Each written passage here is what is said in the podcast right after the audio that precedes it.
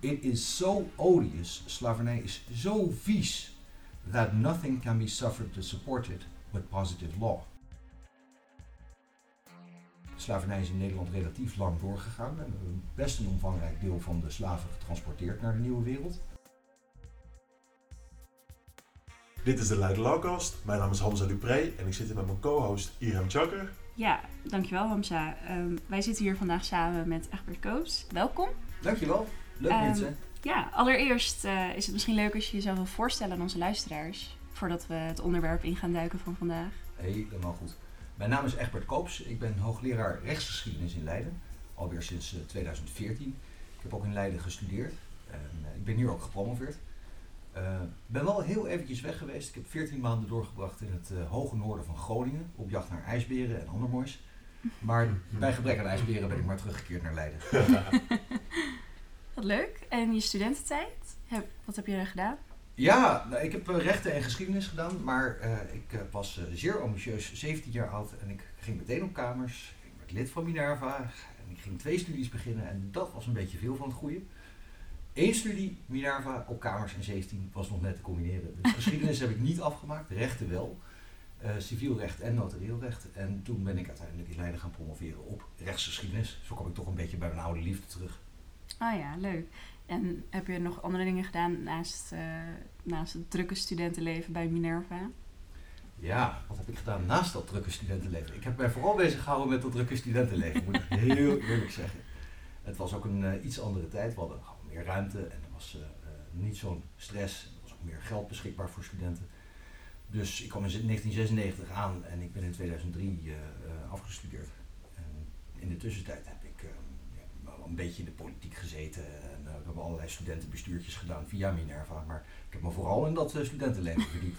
leuk. En na je studententijd eh, ben je dus meteen gaan promoveren nadat je terug was eh, van de ijsberenjacht? Nee, de, de ijsberenjacht kwam na de promotie. Ah. Eh, ik, ben in, eh, ik ben toen begonnen als eh, eh, promovendus bij Willem Zolven, mijn voorganger. En daar liep ik eigenlijk al een paar jaar rond, want ik was studentassistent geweest al een jaar of vier, vijf. Dat betekent dat ik als 19-jarige al een beetje Romeins recht aan het geven was aan Zo. eh eerstejaars studenten. Dus ik loop al heel lang in dat vak mee.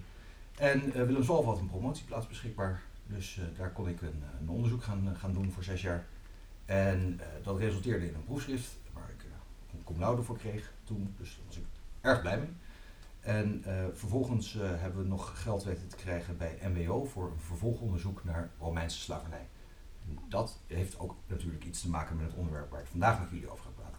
Ja, inderdaad. En eh, we gaan het vandaag hebben over een bijzondere zaak in, dus voor het slavernijverleden en hoe dat is afgeschaft vooral. Dat is de Somerset-zaak. Ehm, en de allereerste vraag is misschien wel, waarom hebben we het vandaag de dag eigenlijk nog over deze zaak? Ja, dat is een, eh, dat is een mooie. Ehm, ik zou niet alleen vandaag de dag, maar specifiek dit jaar is er een hele goede reden om over die zaak te praten. Want het is Mhm. exact 250 jaar geleden, dit jaar, dat de Somerset-zaak gewezen werd. En dat was een zaak die speelde in Engeland. En het was een probleem van vrije grond. In Engeland bestond eigenlijk sinds de middeleeuwen al geen slavernij meer. Eh, dat gold overigens voor heel Noordwest-Europa. Engeland stond daarin niet alleen. En al die verschillende landen in Noordwest-Europa gingen daar op een verschillende manier mee om. Maar het probleem deed zich eigenlijk overal wel voor. Dat er aan de andere kant van de wereld natuurlijk een, eh, een grote mate van transatlantische slavernij in de koloniën bestond. Die slavenhouders namen hun mensen soms mee naar het thuisland. En daar was dan geen slavernij. En dan krijg je meteen een juridisch probleem van de eerste orde. Als je dan eh, meegenomen wordt, ben je dan in Engeland of in Frankrijk of in de Republiek ook meteen vrij. Nou, 250 jaar geleden werd die zaak in Engeland gewezen. En dat heeft een enorme wind in de zeilen gegeven aan de beweging tot afschaffing van de slavernij. Omdat, heel simpel, eh, de slaaf in kwestie uiteindelijk vrijgelaten werd. Oké. Ja, en, en eh, ja, sowieso echt absurd om te beseffen die, die hele transatlantische eh, slavernij was toen. Dus eh, voor de luisteraars, waarschijnlijk weten jullie het allemaal wel, maar vanaf eh, West-Afrika werden eh, mensen slaaf gemaakt. En die werden dan naar, naar de Amerika's, naar de nieuwe wereld gebracht om daar te werken. En dat brengt ons misschien ook wel bij een puntje wat belangrijk is om tevoren te tackelen. Daar hadden we het ook al over. Ja. Ehm, het onderscheid tussen slaaf en tot slaaf gemaakte, dat gaan we waarschijnlijk niet de hele aflevering aanhouden. We gebruiken het woord eh, slaaf hier, alleen daar betekent, bedoelen we ook mee tot slaaf eh, gemaakte. Eh, want als ik het goed begrijp, was deze meneer Somerset iemand die op Afrikaans grondgebied verbleef voordat hij werd. Ja, klopt. Hij was als kind geroofd in Benin. Ehm, eh, of, trouwens, dat weten we niet helemaal zeker. En, en overgebracht naar, naar Jamaica, waar hij als slaaf diende op een plantage. Op een gegeven moment werd hij door zijn meester meegenomen naar Engeland. En over dat puntje van slaaf of tot slaaf gemaakte, dat is een beetje een kopie van de eh, Amerikaanse termen slave en enslaved. En enslaved is iets makkelijker uit te spreken dan tot slaaf gemaakte. Dus het is voor een deel gemak. Maar je moet wel, als je de term slaaf dan gebruikt, steeds bedenken dat slavernij niet, een, niet iets is als een beroep van bakker of schoenmaker of zo. Dat is Nee. niet een staat die Nee. iemand gekozen heeft. Eh, alleen ik denk dat de term slaaf inmiddels zo beladen is geraakt dat we ons daar ook wel van bewust zijn als we gewoon slaaf zeggen. Ja. ja. ja, precies. ja, dat maakt het wel iets duidelijker ook voor de luisteraars, denk ik. Dat we, dat, dat we niet bedoelen dat een slaaf daar zelf voor heeft gekozen. Is of niemand iets die dat serieus Ja. neemt. Want Ja. eh, dat tot eigendom maken. Deze zaak heeft daar een hele grote impact op gehad op de eigendomsslavernij, toch? Ja, exact. Ja. En het wonderlijke is de gedachte dat je andere mensen in eigendom kunt hebben. Zoals je een bureau of een tafel of een computer of een auto of een hond in eigendom hebt. Ja, dat is een universele gedachte geweest door het grootste deel van de menselijke geschiedenis heen. Slavernij is, het is vreselijk om te zeggen, een constante geweest in de wereldgeschiedenis. En niet alleen een probleem in West-Europa, eh, of in het kader van de transatlantische slavernij, of zelfs in het kader van de koloniale slavernij. Het is veel groter geweest dan dat. Slavernij kwam in alle gebieden van de wereld voor, ook voordat er West-Europeanen daar voet aan land zetten. Het kwam voor in Kamchatka, het kwam voor in Zuid-Amerika, het is inheems bij de Noord-Amerikaanse Indianenstammen geweest. Dus, ehm, en aan het einde van de 18e eeuw, zo halverwege de 18e eeuw, gaat er iets schuiven. En beginnen opeens allerlei groepen zich af te vragen, waarom, waarom doen we dat eigenlijk? Het is toch niet verenigbaar met de natuurlijke waardigheid van de mens dat je een andere mens zomaar in eigendom kunt hebben. Dus onze mo- moderne manier van denken begint daar eigenlijk. En ik vind dat een belangrijk thema om eh, vandaag te bespreken met jullie. Omdat ehm, als rechtshistoricus zie ik heel vaak dat de, sli- dat, dat de rechtsgeschiedenis een slinger is. Het gaat de ene kant op, het gaat de andere kant op, maar steeds heen en weer tik-tak, tik-tak. En hier is de rechtsgeschiedenis echt een wiel. Het rijdt vooruit. Het komt misschien wel vaak op dezelfde plek terug, maar er zit echt vooruitgang in. Vanaf die tweede helft van de 18e eeuw zijn we anders gaan nadenken over menselijke waardigheid. Dat leidt ertoe dat eigendomsslavernij uiteindelijk is afgeschaft. En dat is een enorme stap in zedelijk niveau vooruit voor de hele mensheid geweest. Mhm. En wat is er dan precies in de Somerset case gebeurd waardoor dit zo'n bijzondere zaak is? Nou, in, eh, in 1769 werd eh, eh, eh, James Somerset door zijn eigenaar eh, naar, de, naar Engeland gebracht.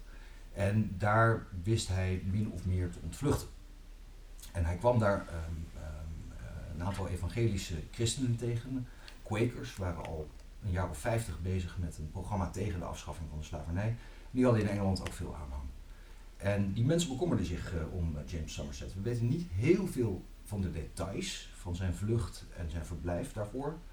Maar hij moet op enig moment eh, bekeerd zijn geraakt tot het christendom. Hij werd gedoopt, hij had peetouders en hij werd dus in een sociale kring opgenomen. En dat gegeven is wel belangrijk, want op een gegeven moment vond zijn eigenaar hem kennelijk terug. En die zette hem op een boot in eh, Londen eh, om hem af te voeren naar Jamaica. Maar met de contacten die Somerset inmiddels opgebouwd had, eh, kwam een heel netwerk vervolgens in beweging om daar iets aan te gaan doen. En die begonnen een eh, procedure eh, met een writ of habeas corpus. Dat is een eh, bekend eh, Engels instrument, kennen we nog steeds uit het strafrecht, Mhm. habeas corpus. En dan zeg je eigenlijk, je hebt geen recht om deze man gevangen te houden of te nemen. Dus hij moet onmiddellijk op vrije voeten worden gesteld. En die procedure speelde voor de Court of the King's Bench, een vrij belangrijke rechtbank in Engeland. Ja. En eh, in 1772 heeft de hoogste rechter van die rechtbank, Lord Mansfield, toen gezegd eh, eh, dat eh, die man onmiddellijk op vrije voeten moest worden gesteld. Dus de writ of habeas corpus werd toegewezen en James Somerset kwam vrij. Dus hij was geen slaaf meer. Dus, en nou, dat is een hele goede vraag. Was hij nou geen slaaf meer? Uiteindelijk is het een kwestie van IPR. Hij was slaaf naar het recht van de Engelse koloniën. Mhm. Hij was geen slaaf naar het recht van Engeland zelf, want daar had men geen slavernij meer. Mhm. Dus de vraag die aan de rechter werd voorgelegd was: is het eigendomsstatuut dat van toepassing is op Somerset in de koloniën, nou ook op hem van toepassing in Engeland zelf? En de Mhm. rechter zegt: nee, dat kan niet. Eh, de openbare orde verzet zich daartegen. Ik kan hooguit kijken of er in Engeland iets vergelijkbaars is. En dan komt hij uit bij de Engelse middeleeuwse horigheid, waarvan hij vervolgens vaststelt dat daarmee nooit de macht van een eigenaar of van een heer van een horige gepaard ging om de horige van het land af te voeren eh, naar een andere bestemming tegen diens wil. Dus wat de tussen aanhalingstekens eigenaar van Somerset wil doen, dat kan niet, want dat is onverenigbaar met de positie van een middeleeuwse horige in Engeland. Dus eigenlijk was hij geen, of was hij nog slaaf als hij in, in de koloniën het was zou geweest? heel onverstandig zijn geweest om daar ooit nog terug te keren. Ja, oké. En die, dat klinkt een beetje als een juridische uitvlucht. eh, om het op deze manier op te Ja. lossen via de middeleeuwse horigheid. En dat is het ook wel een beetje. Maar Mansfield zat vast. Want er waren enorme commerciële belangen gemoeid met die slavenhandel. Er bevonden zich on- ongeveer 14.000 eh, onderworpene slaven in Engeland op dat moment. En er werd betoogd van ja, de, de- de wereld ontploft en de koloniën worden onbestuurbaar als al die mensen opeens nu in vrijheid moeten worden gesteld. En toen zei Mansfield, nou ja, ik doe het dan via deze uitweg, dan hoef ik geen principeuitspraak te doen, maar ligt er toch een ferme uitspraak. En eh, eh, rechtvaardigheid moet geschieden, al wenen de hemelen, fiat justitia, beruat celum. Ja, die uitspraak kwam ik meerdere keren tegen toen ik hem in het lezen was. Ja. Want eh, zou je iets meer kunnen uitleggen wat dat, wat dat precies betekent binnen deze context? Dat ehm, eh, het recht uiteindelijk tot een uitkomst leidt die door een rechter moet worden toegepast. Mhm. Ook als dat ehm, eh, commerciële belangen op grote schaal benadeelt. Mhm. De rechter zit daar niet om een uitspraak te doen die door pure mercantiele motieven is ingegeven. En dat is wel interessant vanuit het eh, oogpunt van Lord Mansfield, want dat was een, ja, de grote voorvechter van het commerciële handelsrecht in de common law. Hm. En toch vond hij hier de rechtvaardigheid belangrijker. Ja, want ehm, als we dat iets meer binnen de, de context van die tijd, maar de maatschappelijke context proberen te plaatsen. Nou, er zijn 14.000 eh, slaven op dat moment, in ieder geval eh, die uit de nieuwe wereld komen, eh, gebracht als slaaf in Engeland. En je noemde net ook al dat ook wel vaker, bijvoorbeeld in de Republiek en ook omringende landen, eh, mensen kwamen uit die landen. Zijn er niet eerder rechterlijke uitspraken gedaan eh, van een soort gelijke aard? Het juridische probleem zich eerder toch gedaan? Ja, zeker wel. Zeker wel. Dat is natuurlijk een oud probleem dat een, een, een eigenaar van een slaaf zo iemand meeneemt naar een gebied in West-Europa, het thuisland, waar die slavernij niet voorkomt. En daar is op een hele verschillende manier mee, mee omgegaan door de tijd heen. De meest verheugende is een hele vroege uitspraak uit 1531 van de Grote Raad van Mechelen. Dat ging over een slaaf die vanuit Portugal naar Vlaanderen was gebracht. En daarvan stelde de Grote Raad vast, ja, eh, in Vlaanderen is geen slavernij, dus weer een IPR-kwestie. Hier kan die man niet als slaaf gelden. En moet hij dus eh, onmiddellijk in vrijheid worden gesteld. Ehm, in Frankrijk in 1738, zit je alweer een heel stuk later, 200 jaar later in de tijd, Mhm. is er dan een belangrijke zaak voor het Hof van de Admiraliteit. En dat is wel grappig. eh, dat is niet zozeer een vrijheidsproces, als wel een, een meneer die is meegenomen uit de Nieuwe Wereld door een Fransman. En die heeft een, een aantal jaar in Frankrijk, in Parijs, gediend als kok. En eh, typisch Frans, hè, lekker eten. En eh, nu eist hij achterstallig loon. Dat is weer een hele andere insteek. Die zegt, Ah, ja. ik heb in een dienstbetrekking gewerkt en ik ben nooit betaald voor mijn werkzaamheden als kok. Dus eh, eh, kom maar door met mijn salaris. En ook dat wordt dan door de Franse admiraliteitsrechter in 1738 toegewezen. Dus Maar het verhaal is niet overal zo fijn hoor. Want in 1736, twee jaar daarvoor, heeft de Hoge Raad van Holland en Zeeland in een vergelijkbare zaak precies andersom geoordeeld. En toen moest een, eh, een, een, een slaaf, Klaas, die uit eh, Curaçao hierheen was gevoerd, eh, of eigenlijk was ontsnapt uit Curaçao, het verhaal is nog veel erger, eh, en die zich in Amsterdam bevond, teruggegeven worden aan zijn meesteres. In Nederland was niet zo, modern als de andere landen. Nee, en een promovendus van mij, oud promovendus van mij, heeft gekeken naar de archiefstukken daar, daarvoor. Heel goed gekeken zelfs. En daar blijkt ook wel een beetje uit dat het argument in de rechtszaal ook in de raadkamer naar voren kwam. En die eh, raadsheren in de Hoge Raad van Holland en Zeeland die lieten zich enorm beïnvloeden door de gedachte dat de koloniën niet bestuurd zouden kunnen worden. Mhm. Dus die lieten de mercantiele, de handelsoverwegingen voorgaan op de vrijheid van, van de slaaf. Oké, en dan heb ik nog wel een vraag. Want er zijn dus een aantal uitspraken, ook al veel eerder, bijvoorbeeld hier in Mechelen, waar uitspraken werden gedaan van diegene kan niet hier eh, slaaf zijn, is hier geen slaaf. Maar toch hebben die uitspraken niet de impact gehad die de Somerset case heeft gehad. Waar zit het dan in, die maatschappelijke impact die zoveel groter is bij deze zaak? Nou, mooi weer. Ook in Engeland was dit niet de allereerste zaak waarin een slaaf op vrije voeten werd gesteld. Maar eh, we zitten in een systeem waarin jurisprudentie niet van overheidswegen gepubliceerd wordt en via het internet te doorzoeken is. Ja. Dus ehm, in Engeland, wat altijd al een jurisprudentieel systeem is geweest, Mhm. zaten er gewoon private reporters in de rechtszaal een beetje aantekeningen te maken.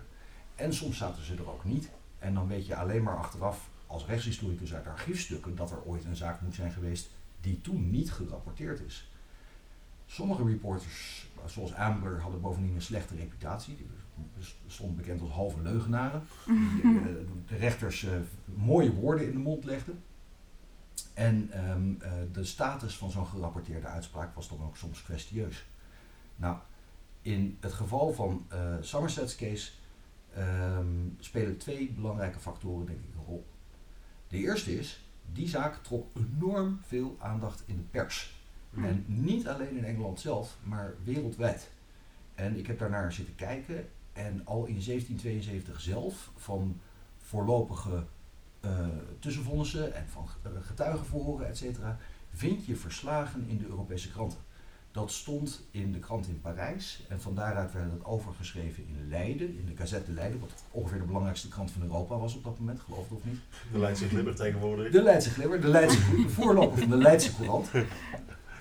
Eh, en, en vandaar verspreidt het nieuws zich dan naar Frankfurt en naar Kleef en naar andere gebieden. En dat was al binnen twee weken na die verschillende stappen die tot de einduitspraak hebben geleid. Dus heel Europa kon van deze rechtszaak kennis nemen. Dus dat Dat was, is één belangrijke factor. En de andere belangrijke factor, en dan zit ik weer op die reporters, is dat de reporter in deze zaak, meneer Loft, een abolitionist was. Die had een geheime Ah. agenda. En hij heeft Lord Mansfield ook wat woorden in de mond gelegd die Lord Mansfield nooit gesproken heeft. Aha. dus hij heeft op een goede moment een goede zaak eh gereport. Eh, met een beetje eh, retorische overdrijving eh, heeft hij op het goede moment precies de goede zaak op precies de goede manier eh, eh, overgebracht. En dat rapport van Loft Mhm. ehm, was het enige rapport dat beschikbaar was in Noord-Amerika bijvoorbeeld. Hmm. Dat is het Ah. nieuws dat in Boston aankwam. En dat heeft een enorme invloed gehad op eh, het debat dat daar toen ook al speelde over ehm, de afschaffing van de slavernij in de Noordoost, eh, Noordoostelijke kolonies. En hoe, hoe gingen ze daar dan mee om toen dat in Boston aankwam? Wat, wat is daarmee ge, ge- goed, ja, dat verspreidde zich, maar hoe was de reactie daarop? Hebben we daar een beeld van? Het beeld, eh, nou ja, het zijn allemaal, ehm, het zijn allemaal kleine gezelschappen op dat moment. Er is niet een eh, ruime, wijdverspreide abolitionistische beweging waar honderdduizend mensen abonnee van zijn of zoiets. Ehm, maar kleine groepen kunnen wel heel veel invloed hebben als ze op het juiste moment bij elkaar komen en de juiste mensen weten te bewerken. Dat zie je ook aan de abolitionistische beweging in Engeland zelf, die begint in 1787. En daar zitten een hele hoop invloedrijke mensen in die binnen in één jaar tijd 100 petities naar het parlement sturen. Dus die zijn het parlement helemaal aan het bombarderen met petities over de afschaffing van de slavernij. En op dezelfde manier kreeg je door die krantenartikelen en door dat rapport van, eh, of report van, van Loft, kreeg je een vergelijkbare discussie op gang in Boston en in New York en in Salem en al die andere eh, commerciële steden in het noordoosten van de Verenigde Staten. Ja, misschien is het heel even goed voor sommige luisteraars die misschien niet helemaal weten wat het abo- abolitionisme is, om dat heel even te tackelen. Natuurlijk. Abolitionisme is de beweging die ehm, probeert om de slavernij te verbieden. De beweging tot afschaffing van de slavernij. En naar aanleiding van Somerset's case krijgt die beweging flink de wind in de zeilen. Dat leidt in 1787 tot de oprichting van de abolitionistische beweging, de Anti-Slavery Society. Maar al daarvoor, al vanaf ongeveer 1765, 1760, zijn allerlei mensen daarin actief. En die mensen verenigen zich rond Somerset's case. Dat is een van de eerste punten in de tijd waar al die verschillende abolitionistische krachten bij elkaar komen. Ze kennen elkaar van Somerset's case. Oké. En omdat dit dus in, uh, in Engeland is deze uitspraak geweest. En uh, die hebben, nou, Engeland heeft een, uh, een, een, geschiedenis met heel veel koloniën. Maar betekent dat dan niet dat de uitspraken in Engeland ook van toepassing waren op de koloniën? Nou, dat is een goede vraag. Um, niet per se. Uh, in beginsel wel. Zij het dat de Court of the King's Bench een iets andere jurisdictie heeft dan de uh, Privy Council, die over koloniale okay. aangelegenheden ging. Dus het was een iets andere rechtbank, maar die rechtbanken keken wel naar elkaar, dus indirect zou dat zeker invloed hebben. Maar ja, 1776 is maar vier jaar later en dan begint de Amerikaanse onafhankelijkheidsoorlog. En staan ze opeens, ook juridisch, uh, op eigen voeten. Maar ja, dan ligt er wel de precedent van Somerset's case in het Amerikaanse recht al verankerd. Ja. ja. En wat is daar de invloed van geweest? Uh, wisselend. Het heeft een enorme impact gehad op, um, uh, op het afschaffen van de slavernij in, in, in de noordoostelijke voormalige koloniën. Uh, maar in, in Loft's report wordt onder meer de rechter van dienst, Mansfield, in de mond gelegd dat, en ik lees even voor, the state of slavery is of such a nature that it is incapable of being introduced on any reasons, moral or political, but only positive law, which preserves its force long after the reasons, occasion, and time itself from whence it was created is erased from memory. It is so odious, slavernij is zo vies, that nothing can be suffered to support it but positive law. Nou heeft Mansfield dat niet gezegd, maar het is een prachtige retorische bloem van de hand van Loft. Uh, en dat kwam dus in Amerika aan. En sommige staten lazen dat en zeiden: oké, okay, dat betekent dus dat wij bij wet in formele zin de slavernij moeten invoeren, want dan is het probleem uit de wereld. Ja. ja. Dus het heeft de posities in Amerika verhard. Ja, want dat, dat vind ik eigenlijk wel een heel interessant bruggetje naar iets wat op dit moment speelt. Uh, ik las een kritiekpunt op wat de Democratische Partij heeft gedaan. Want uh, op dit moment, uh, tijdens de opname van deze aflevering, zie je dat de Supreme Court sinds een paar weken bezig uh, in, de heel veel de media komt met een zaak die een overruling gaat zijn. Dus zo van ze gaan om in vergelijking met de zaak Roe versus Wade. Ja. En Roe v. Wade is besloten dat het recht op, als ik het goed zeg, uh, het recht op abortus besloten ligt in volgens mij fysieke integriteit of in pri uh, privacy. In ieder geval, um, er werd eigenlijk jurisprudentieel bepaald dat dat uh, kon. Dat, dat ja, federaal kan. Ja. Op federaal niveau toegestaan moet zijn. Nou, vervolgens is dat niet in wet en formele zin opgenomen. Ik heb een analyse gehoord, ik weet niet hoe het klopt, uh, maar ik heb een analyse gehoord dat dat kwam omdat de Democraten dat wilden gebruiken als soort leverage point in verkiezingen. En nu zie je dat er veel republikeinsere georiënteerde Supreme Court het overruled. En hier zie je eigenlijk dat met hetzelfde punt eigenlijk wordt gespeeld. Dat een, uh, je kan met een wet en formele zin komen, ook op, op federaal of op statelijk niveau. Uh, want uh, dit is jurisprudentie. En natuurlijk, jurisprudentie is wel echt belangrijker in, in Engeland en ook nog wel in de VS, omdat het common law landen zijn, dus landen waar jurisprudentie meer speelt. Maar ja, ik ben eigenlijk best wel benieuwd. Hoe, hebben ze daar, hoe zijn ze daar aan gaan staan? Op, staatsniveau, op federaal niveau? We weten natuurlijk dat de, de oorlog, de burgeroorlog, daar is uitgebroken. Maar kun je daar wel meer over vertellen?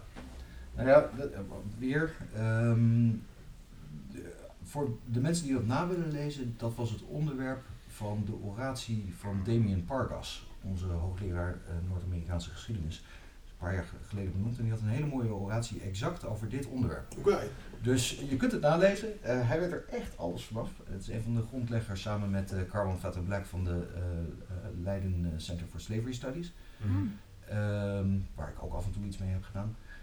En de, wat Damien zegt is, zodra je dus staten krijgt die in hun positieve recht hebben neergelegd dat er slavernij is, en staten krijgt die op grond van de, hun common law hebben of soms ook positief recht hebben gezegd dat er geen slavernij is, dan doet dat probleem, dat Europese probleem van vrije grond, zich natuurlijk daar ook weer voor. Mhm.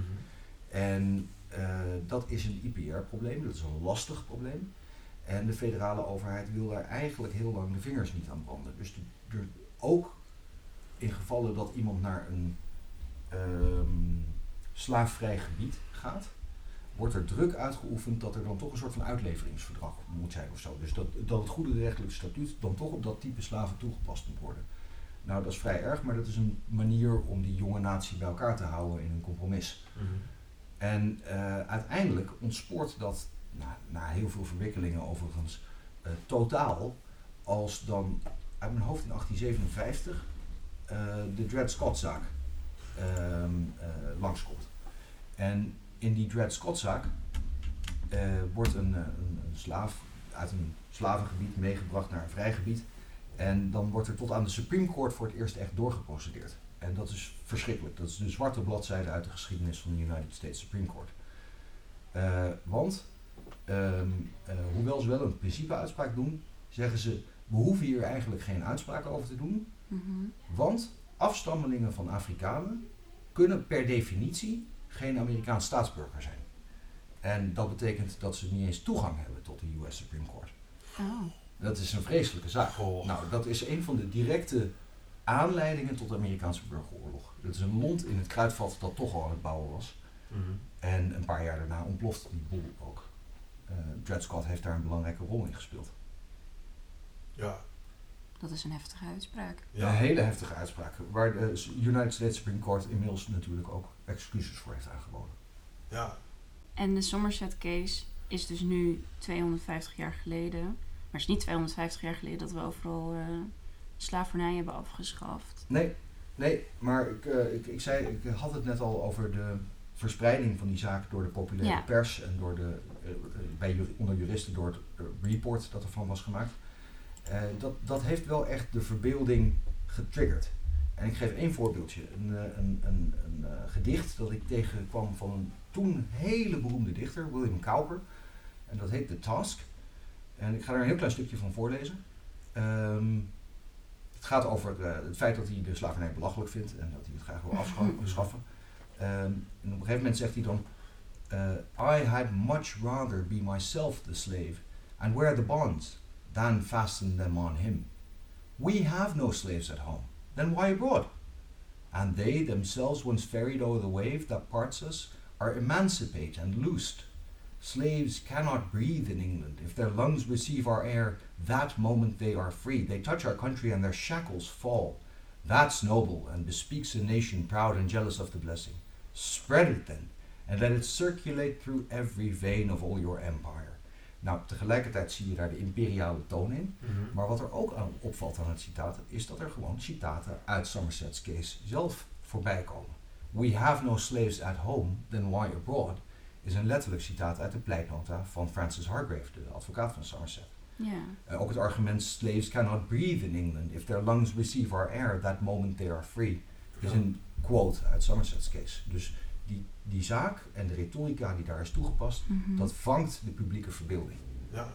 Ja. Ik denk dat, dat als zo'n zaak ook één ding leert, is het studenten investeren in je studententijd in je, je retorische vaardigheden.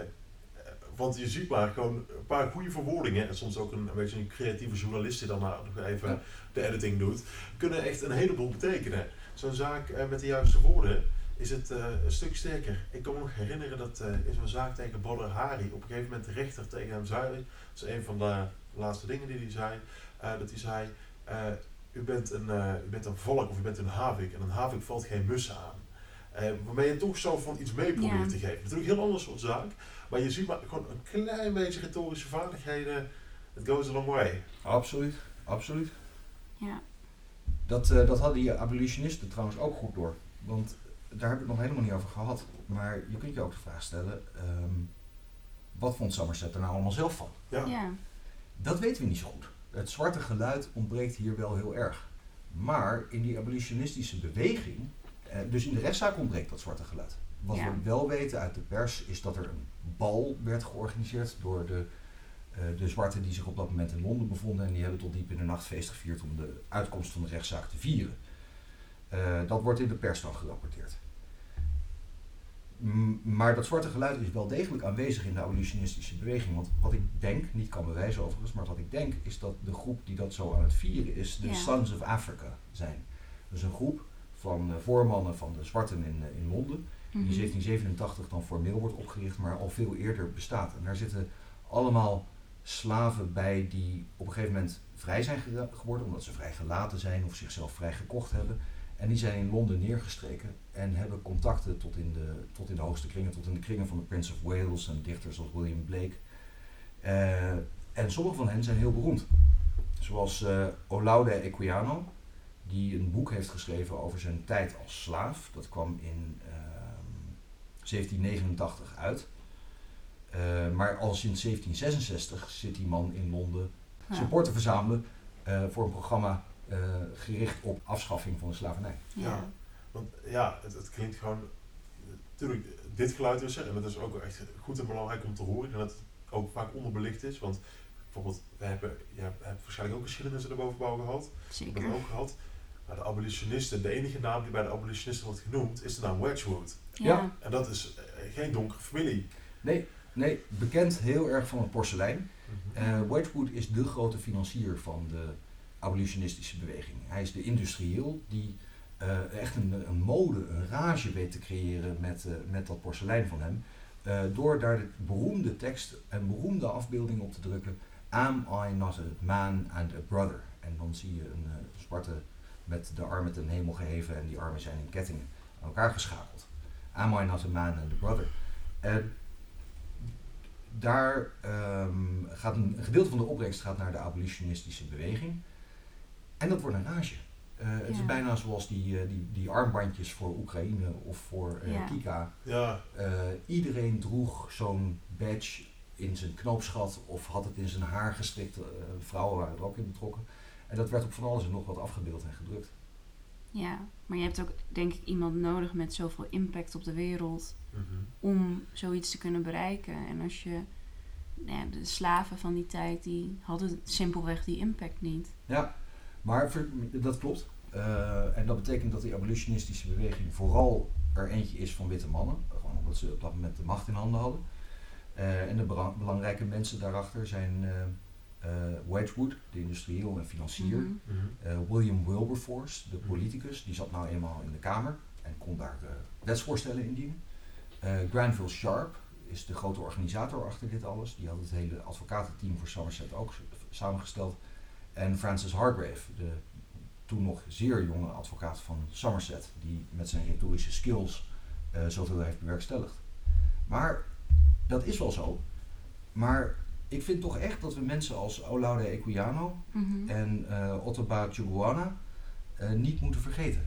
Dat zijn zwarten die dan vrij zijn en in Londen zijn aangekomen en die met hun beweging van de Sons of Africa met al deze mensen ook in verbinding en in contact staan. Ja, Ja, En eh, zonder dat boek van Olaude Equiano eh, over zijn slaventijd Mhm. hadden mensen gewoon niet gezien hoe erg het was. Dan kan je nog vrij makkelijk doen, het is iets aan de andere kant van de wereld. Dus eh, Ja. het zal wel meevallen hoe ze daar behandeld worden. Want weet je, je geld zit er toch in en je gaat je machine toch ook niet mishandelen of zo. nee. En dan heb je een heel persoonlijk bericht van Equiano nodig om eh, de wereld ervan te overtuigen dat er mensen, mensen echt vreselijk behandeld worden. ja. Ja. En eh, de, de Republiek, dus Nederland destijds. Hoe sprongen wij hiermee om toen dit uitkwam? Nou ja, niet best. Het werd dus gerapporteerd in de populaire pers. Ehm 1772 al stond het gewoon in de Gazette de Leiden. Ehm, in Nederlandstalige kranten wordt het bericht niet opgepikt. Het zit in de Franstalige kranten van die Hm. tijd. Dus de, de intelligentsia van de patriotten, eh, maar ook wel van de gematigde prinsgezinden, wist ervan, of had ervan moeten weten. Maar de Staten-Generaal bijvoorbeeld, die, ves- die vaardigen in 1776 een plakkaat uit waarin dat met zoveel woorden staat. ehm, nou, dit is, een, dit is een wat ingewikkeld verhaal. Eh, de uitkomst van de rechtszaak die ik eerder besprak over de Hoge Raad van de Hoge Raad van Mhm. Holland en Zeeland, is dat slaven wel vrij zouden kunnen zijn als ze door hun meester meegenomen worden naar de Maar niet als ze vluchten. Exact, maar niet als ze vluchten naar de Republiek, want dan zijn ze een dief van zichzelf. En dan hebben ze zichzelf gestolen en gestolen goed gedijt niet. Dat is de redenering. En in 1776 zeggen de Staten-Generaal, dat is dus na Somerset's case, nou dat is toch wel onhandig voor die slaveneigenaren. Weet je wat? Die mogen vanaf nu toch weer hun slaaf meenemen naar de Republiek.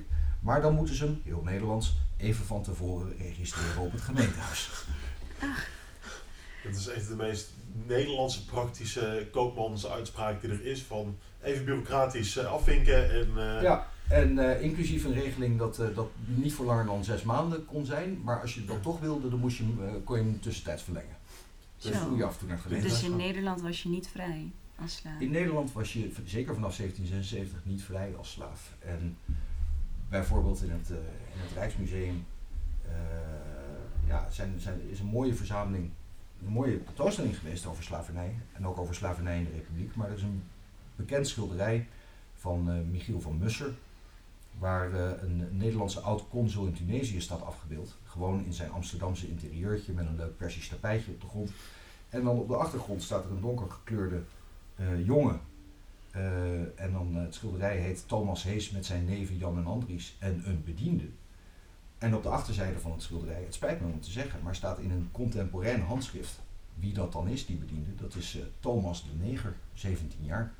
Ah. Eh, ja, die liep dus ook gewoon in, in Amsterdam rond. En hoe is het verder gegaan eigenlijk met de met slavernij in Nederland? Wanneer hebben we in Nederland wel besloten om de Somerset jurisprudentie op te volgen? Het is een beetje voor ons besloten. En dat is, eh, heeft alles te maken met die abolitionistische beweging in Engeland. Ik moet erbij zeggen, Frankrijk heeft een vergelijkbare geschiedenis hoor. Want Ja. we hadden het er al eerder over dat Frankrijk eh, eh, ook al vroeg slaven in Frankrijk zelf in vrijheid stelt. Ehm, daar is ook een abolitionistische beweging op gang gekomen en die heeft in het kader van de Franse Revolutie ook echt geleid tot de afschaffing van de slavernij. Maar dan gebeurt er in Frankrijk iets tamelijk vreselijks. Eh, Napoleon eh, herintroduceert de slavernij dan. Die voert hem expliciet en bij wet gewoon weer in voor Frankrijk. Dus eh, je zou zeggen dat is volstrekt in strijd met de Franse Revolutie. Maar dat is wat gebeurt. En dat leidt bijvoorbeeld dan tot de revolutie op Haiti, waarbij Haiti zich om die reden vrijvecht van Frankrijk. De, republiek komt tot een einde. Hè? De Fransen vallen binnen en dan wordt het uiteindelijk geannexeerd door Napoleon. Nou ja, dat betekent dat er dus geen af, afschaffing verder is van de slavernij. Ja. Neder- Holland wordt in 1811 dan onderdeel van het Franse Rijk. Maar in 1813 wordt het dan weer een, eerst een soeverein land en dan Mhm. vervolgens een koninkrijk. En eh, dat betekent dat het een partner is bij, het, eh, ehm, eh, bij de verdragsonderhandelingen in 1815. En als een onderdeel van die verdragsonderhandelingen zegt Engeland, alle partners bij het verdrag van Wenen moeten eh, eh, ehm, instemmen met het verbod op de transatlantische slavenhandel. Ja. Dat had Engeland in de tussentijd eh, afgekondigd. Als een onderdeel van, van die abolitionistische beweging. Dat was een wetsvoorstel van William Wilberforce geweest.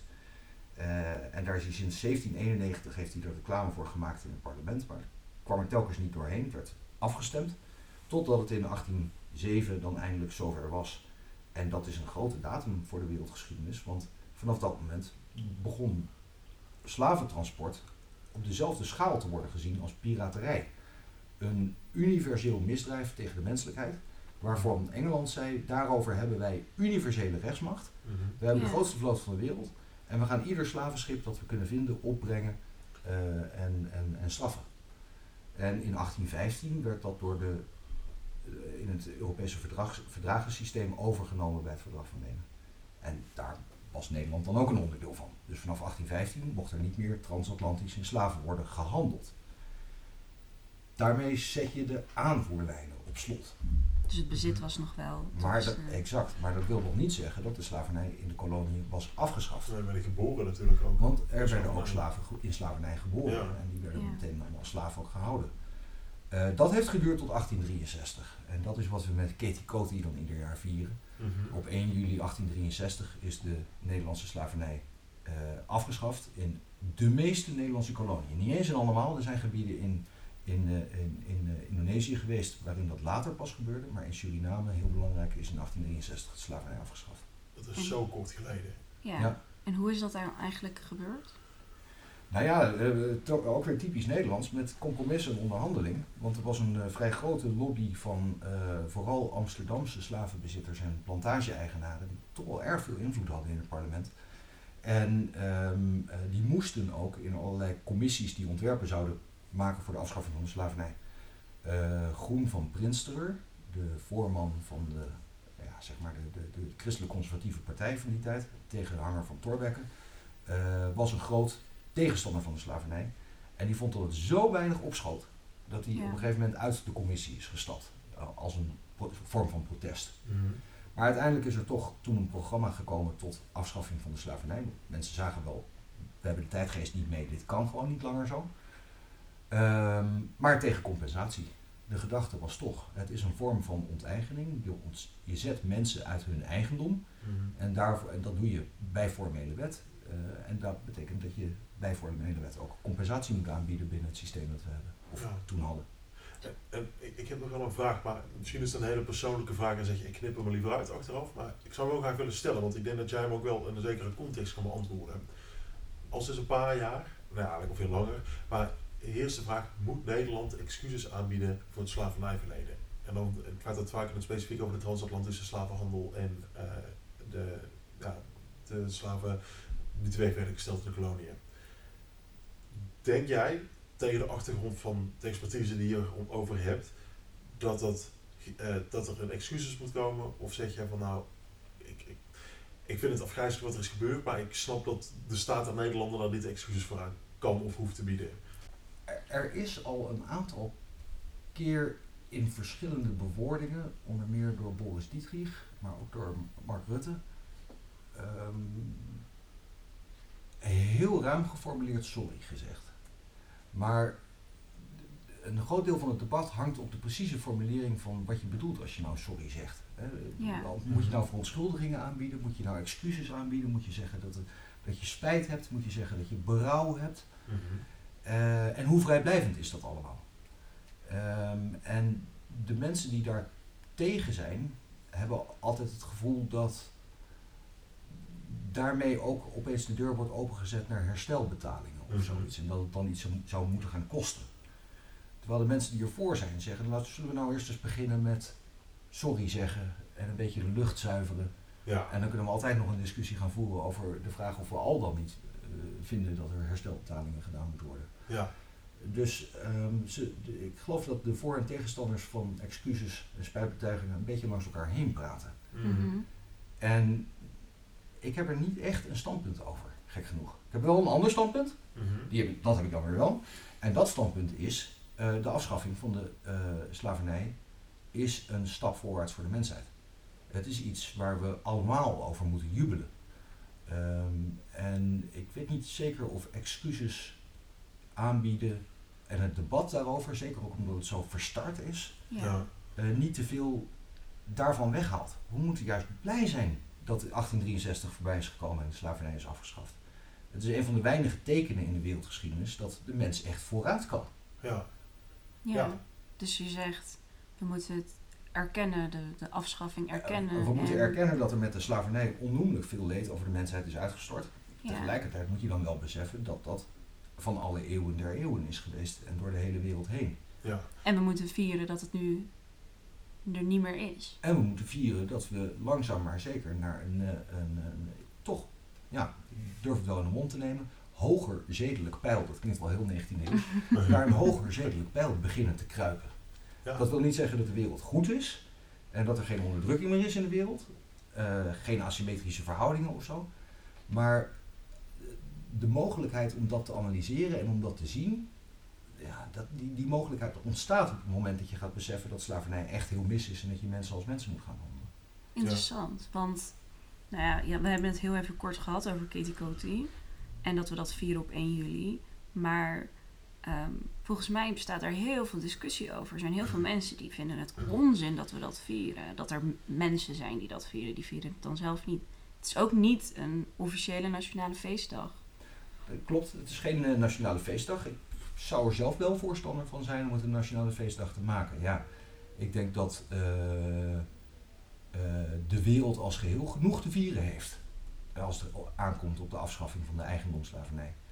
En Nederland heeft daar niet de vrijste rol in gespeeld. Uh, slavernij is in Nederland relatief lang doorgegaan. We hebben best een omvangrijk deel van de slaven getransporteerd naar de nieuwe wereld. Uh, maar toch, uh, wij, wij, maken wel onderdeel uit van die wereld die uiteindelijk de slavernij heeft afgeschaft. Ja. dus, en misschien zou vieren ook wel, of het echt een nationale feestdag maken, juist die erkenning geven van Ja.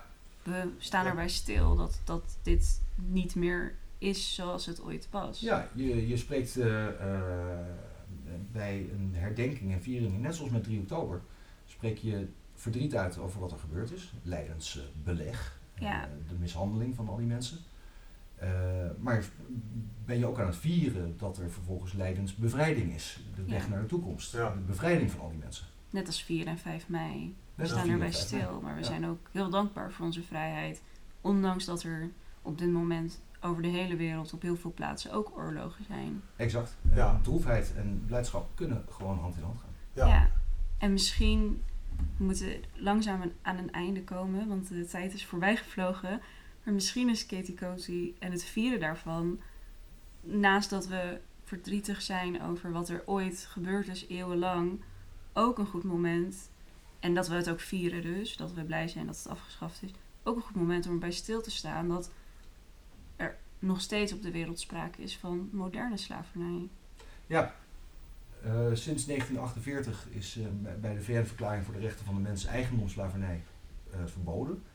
En er zijn natuurlijk daarna nog tal van verdragen gekomen die andere vormen van uitbuiting ook verbieden. Ehm, maar ehm, naast eigendomsslavernij, die nu wereldwijd gelukkig niet meer bestaat, Mhm. heb je natuurlijk ook vormen van economische slavernij. Eh, eh, of dat nu gaat over mensenhandel of mensenroof of situaties waarin eh, op een plantage of in een mijn eh, mensen onvrij te werk worden gesteld eh, onder arbeidsvoorwaarden die zij niet zelf kunnen bepalen, terwijl ze geen, geen meester zijn over hun bewegingen eh, of bijvoorbeeld vernederende straffen moeten ondergaan. Ja, dat zijn allemaal deelaspecten van dat grote begrip eigendomsslavernij die nog niet de wereld uit zijn. Aan de andere kant, er zijn tal van juridische instrumenten die dat wel verbieden en die wel handvatten geven om daar in de toekomst ook iets aan te doen. Ja. Dus aandacht besteden is een goed idee. Ja, zeker. Laten we, in ieder geval dat is wat ik hier onder de streep uit haal, laten we in ieder geval blij zijn dat het is gelukt. Erkennen dat wat er was fout was. En kap met het whataboutism. Want als ik ergens misselijk van hoor, zijn het van die mensen zeggen, oh er is iets goeds gebeurd. Maar ja, er is ook wat slechts gebeurd. Ja, hè hè. Maar tuurlijk, maar laten we gewoon hier het positieve uithalen. En ik denk dat dit verhaal van die Somerset case en de invloed daarvan, de impact daarvan, echt een heel mooi voorbeeld is van hoe er een hele grote stap voorwaarts wordt gezet. Ja, helemaal mee eens. En eh, misschien is het qua impact dan tot slot mm, vergelijkbaar met iets als Urgenda. Ja. Eh, er zijn meer rechtszaken die de wereld kunnen veranderen, of de stikstofzaak. Eh, en in- eh, we leven in een tijd van onzekerheid. We weten niet precies wat de impact van die uitspraken gaat zijn, maar we weten wel dat, dat er een impact is. En het kan een pad naar een betere toekomst gaan vormen.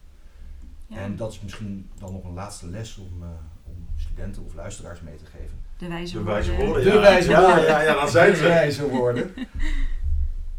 Dit is een klein team van gedreven mensen dat op het juiste moment in de tijd bij elkaar komt. Eh, een geldschieter, een politicus, een eh, gelovige christen, eh, een eh, retorisch begaafde advocaat. En die organiseren een rechtszaak rond een centraal maatschappelijk thema.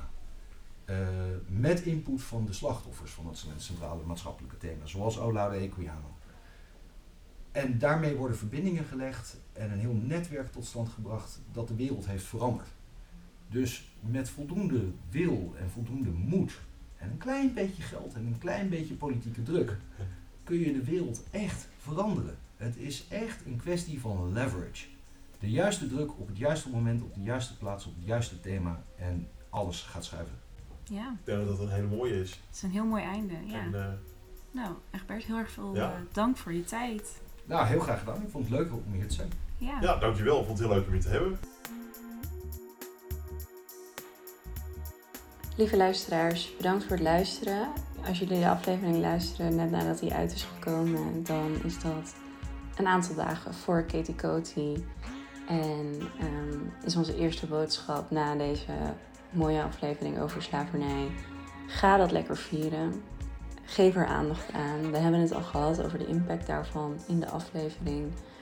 En dan rest ons alleen nog om jullie te bedanken voor het luisteren. Uh, volg ons op onze socials, Law. En geef ons ook de 5 sterren op Spotify. Of reageer als dat mogelijk is in de podcast-app waar jij luistert. En tot snel! Leidenlawcast, verdacht vermakelijk.